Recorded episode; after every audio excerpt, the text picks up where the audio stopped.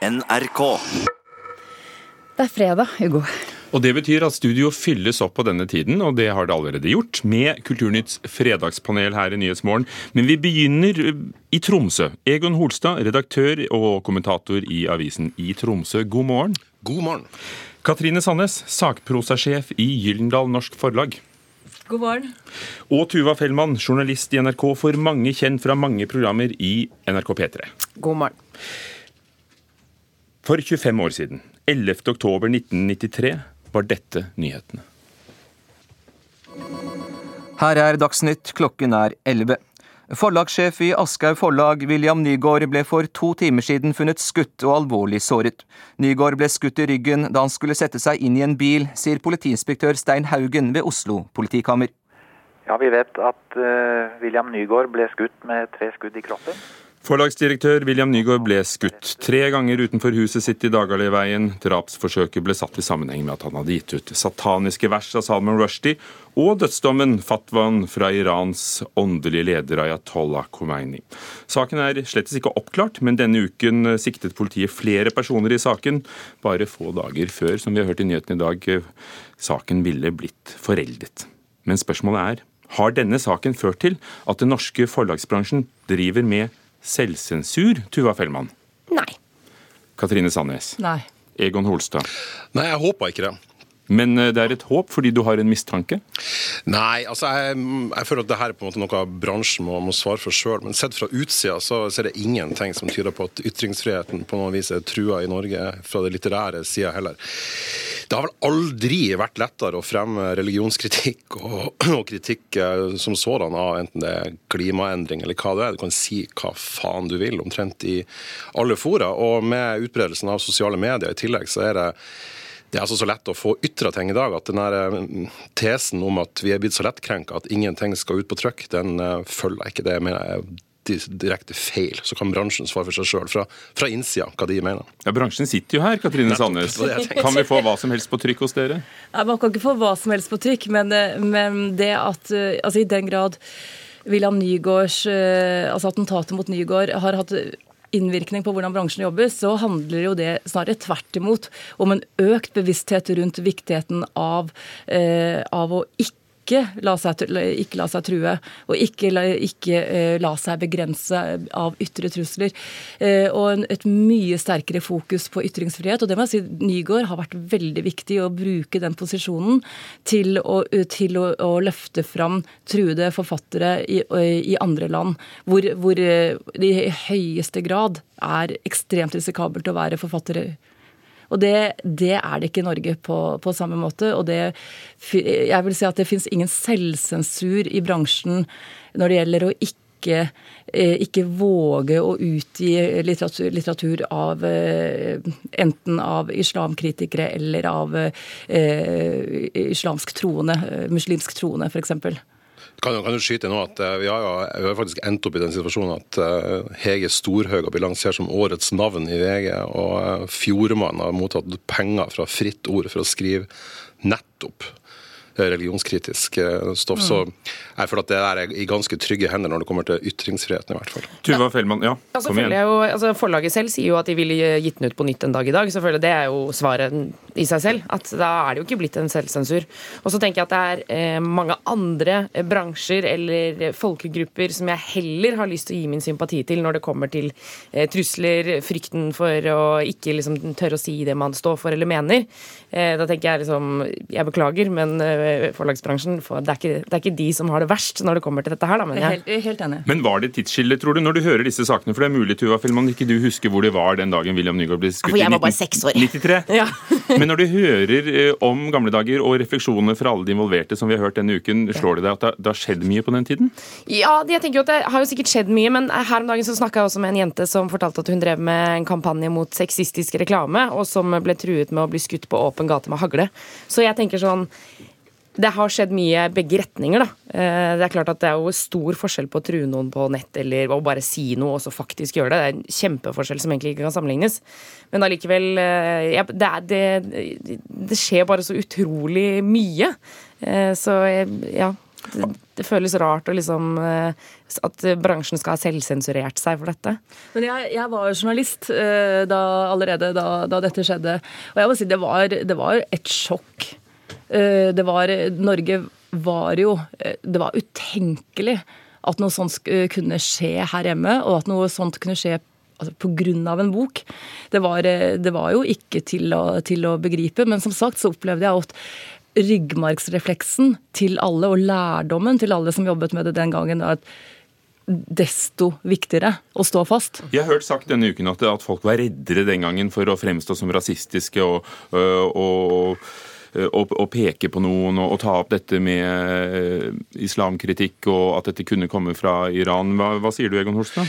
Ja, altså, jeg, jeg, tror jo at uh, en, en, i hvert fall en liten elefant i det her rommet er, er jo karikaturtegningene som på en måte viser den andre sida av saken, der, der folk eh, langt opp i det norske politiske systemet, bl.a. Jonas Gahr Støre eh, og flere norske aviser, tok til orde for at man ikke skulle trykke de her karikaturtegningene ganske lenge.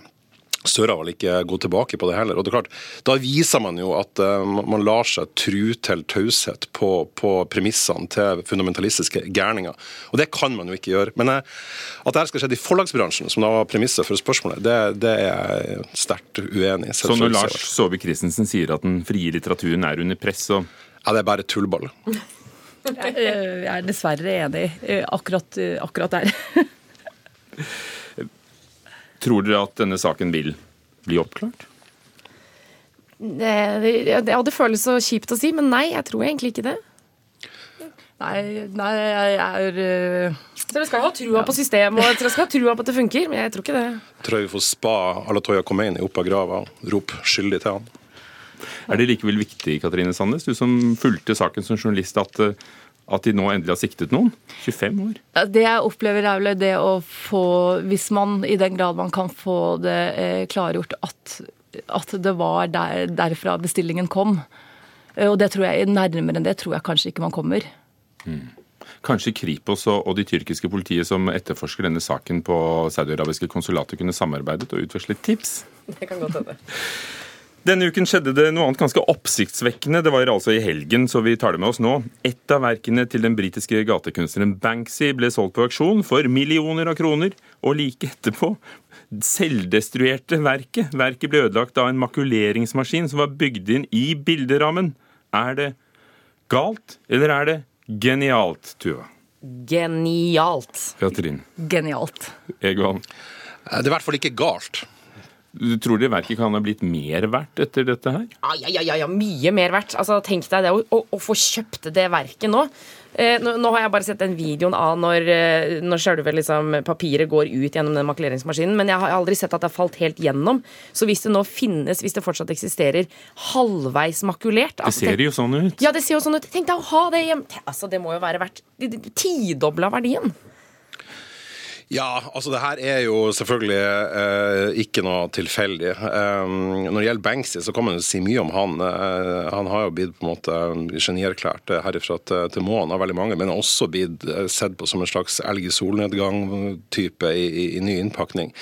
Uh, og det bildet her var vel i utgangspunktet noe som var tagga på en eller annen bankvegg i London, hvis jeg ikke husker feil. og han har jo bare trykt opp i masse sånn silketrykk og tjent masse penger på det. Så trykker han opp en gang til, får det selv på så det blir så, og makulerer det halvveis, sånn at det fortsatt er delvis eh, intakt. Og Det er klart, det han, det han ønsker med det her, eh, for han har jo tidligere sagt at han ønsker jo egentlig å pisse på hele kunstmiljøet, som han mener har blitt veldig pompøs og selvhøytidelig. Og, og i så måte så er jo det her veldig gøy at han på en måte er sjøl inne på auksjonen og filmer den makuleringa og legger det ut på, på egne um, sosiale medier. Så det er jo morsomt.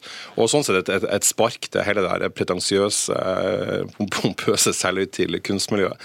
Uh, men om kunstverk og alt det er genialt, det, det, vet jeg ikke. Men det er klart, økonomisk sett kjempe, kjempe, kjempelurt. Det er som om Munch jo tegna bart på, på Skriket, f.eks. Eller et eller annet sånt. Og det ville vært kjempelurt, det også. Men om det hadde vært genialt, det vet jeg ikke. Men da kan du få det store spørsmålet, da, Katrine Sandnes. Hva er kunst? Så rolig spørsmål Nei, jeg, jeg synes jo det er eh, altså, Rundt hele, hele billedkunstfeltet så ser man jo i stadig større grad hvordan Eller kanskje det alltid har vært sånn, for alt jeg vet. Men uh, hvordan iscenesettelsen og historiene man forteller rundt kunstverkene, uh, faktisk er, utgjør en veldig stor del av kunstens verdi. Og i så måte så har jo Banksy klart, uh, klart å gjøre, gjøre dette til en fortelling som alle snakker om. Eh, og Samtidig så kan man si at systemet igjen tar sin hevn over Banksy ved å si Øy! Vi, nå, nå har vi som investerer i kunst og bruker kunst som pengeobjekter, vi har tjent enda mye mer penger. For nå, nå er jo dette, dette verket eh, enest, enestående. Nå er det jo ingen, ingen verk som ligner på dette. Vi, så nå sitter, sitter jo investoren som har kjøpt dette bildet på, eh, på altså han, har han har jo sannsynligvis doblet verdien på investeringen sin. Så sånn, sånn sett så kan man jo sitte igjen og lure på om Banks Altså hvem har begge tjent på det? Men, men jeg tror i hvert fall hvis Banksys eh, idé var å vise var, var å trekke forgjengeligheten til gatekunsten inn i galleriet eh, og, pe og peke nesa av, av kunsten som invest investeringsobjekter, så har han jo ikke lykkes nødvendigvis. Du vil bli skuffet hvis du byr en annen gang og det ikke selvdestruerer, Tuva? Ja, fordi det tenker jeg på nå. Hva skjer med liksom, ringvirkningene? Hvor mange kommer nå til å begynne å liksom, tenne på bildene sine under visning? Altså, hvem, hvordan kommer dette til å utvikle seg? Det blir spennende. Jeg tipper, det, altså det neste vi kommer til å se, det er at oppskrytte kunstnere kommer til å sprøyte champagne på bildene sine. Et eller annet sånt sinnssykt kommer sikkert til å skje. Å ja, for det har sikkert ikke skjedd før. Nei, ja. I går skjedde det. Norge fikk det store oppdraget på bokmessen i Frankfurt. Vi ser jo at det er virkelig en gullalder for norsk litteratur. Vi ser eh, så mange bøker som nå oversettes til andre språk og selges eh, i veldig mange andre land. Så dette er enorme markeder som åpner seg for norske forfattere, og det er en stor mulighet for å få norsk kunst og kultur i bredde ut til Europa. Hun var så glad, Trine Skei Grande, kulturministeren eh, i Frankfurt i går. 52 millioner kroner skal Norge bruke på dette. 30 av dem kommer fra staten. Det skjedde over kjøkkenbordet til Erna en sen nattetime, fortalte Erna i programmet Åpen bok i går. Um, Er det verdt pengene å være hovedland på verdens største bokmesse til neste år, Egon? Ja, så eh, Hans Gellemyden han sa det her var vektigere enn toppmøtet i Davos. Eh, Og Jan Kjærstad sier at det er meningsløst. Og Anne B. Ragde sier at vi skal bruke dobbelt så mye. Og NRK skriver 'full splid i Litteratur-Norge'. Um, Og personlig så syns jeg altså da at denne kulturelle gjørmebrytinga i den bitte lille litterære andedammen er verdt hver ei krone av ren sånn underholdningsaspekt-årsaker. Så jeg, ja, jeg heier veldig på det her. Jeg hadde stor moro. Jeg har ikke hatt så mye moro med norsk litteratur på lenge. Ja, jeg heier også på dette, altså. Kjør på. Jeg, så, altså, hvis Anne B. Ragde sier ja, sier jeg også ja. Altså. Fyr på. Lytter du til kjæreste eller Ragde Sandnes? Ragde. Fordi, Fordi øh, altså 30 fordi du jobber i forlag, og det kommer til å være veldig bra å stå på den standen til Gyldendal neste år. Ja, Jeg skal ikke stå der, jeg skal være med på festen. Det er jo tulla. Du bare den champagnen den betaler seg ikke sjøl. Altså for, det, for det første, øh, det er noe som er litt sånn stusslig. 30 millioner kroner statlige midler. Eh, Det, altså det sier noe om hvor lite penger man er vant til å klare seg med i, i, i, Kultur-Norge. Eh, Da Norsk Tipping skulle få ny logo, kosta det 150 millioner kroner. Det var denne uken her. Ja, det er denne uken. Så at, så at, Men den ser, ganske, den ser egentlig ganske lik ut. ja. Men det var 30 millioner, det er vel omtrent eh, lunsjbudsjettet til oktober eller Gyldendal på, på, på et år. Så jeg tror det, jeg, jeg, jeg synes, i, I norsk litteratursammenheng så syns jeg ikke det her er spesielt avskrekkende. Det er avskrekkende. Det er jo enormt altså, ja. med penger hos dere fra før, så jeg tror ikke det her er så Men du hadde et poeng, Katrine. Nei, men, men så er det men, øh, Og så er det jo også det som jeg syns er et godt kulturpolitisk øh, grep, det er at man samtidig har gått inn med det samme beløpet øh, som, øh, det, det samme beløpet som man skal bruke på å lansere norsk litteratur i andre land, som er en veldig bra ting for norsk litteratur og norske forfattere. Man Betale litt for oversettelsene, f.eks. ja. Eh, eh, også- men så har man også satt av det samme beløpet for å fremme leseglede og leselyst eh, og, lese, eh, og litteratur her hjemme i, i, i forbindelse med bokåret. Sånn at, sånn at dette har blitt en dobbel satsing i, i kulturbudsjettet. 30 millioner hjemme, 30 millioner ute. Og hvordan norske forfattere kan mene at dette er en dårlig ting, det er faktisk helt uforståelig for meg. Ja, det, jeg, altså, jeg er helt enig. Og så tenker jeg sånn 30 millioner, det høres så mye ut, men ja. I den store Hva sammenheng så vet man jeg at for det er 30 millioner i dag? Du får jo en brus på Gardermoen, da, vet du. Jeg, jeg får veldig mye ut av 30 millioner. Jeg tenker at Det høres artig ut å sette og spille poker på kjøkkenbordet til Erna Solberg, der, der, det, er, der det er såpass med, med penger i potten. Jeg syns 30 millioner er mye penger, men i norsk litteratursammenheng ikke fullt så mye. Kjære fredagspanel. Egon Holstad, Katrine Sandnes, Tuva Fellmann, takk skal dere ha. Dette er Nyhetsmorgen i NRK. Straks er det Dagsnytt.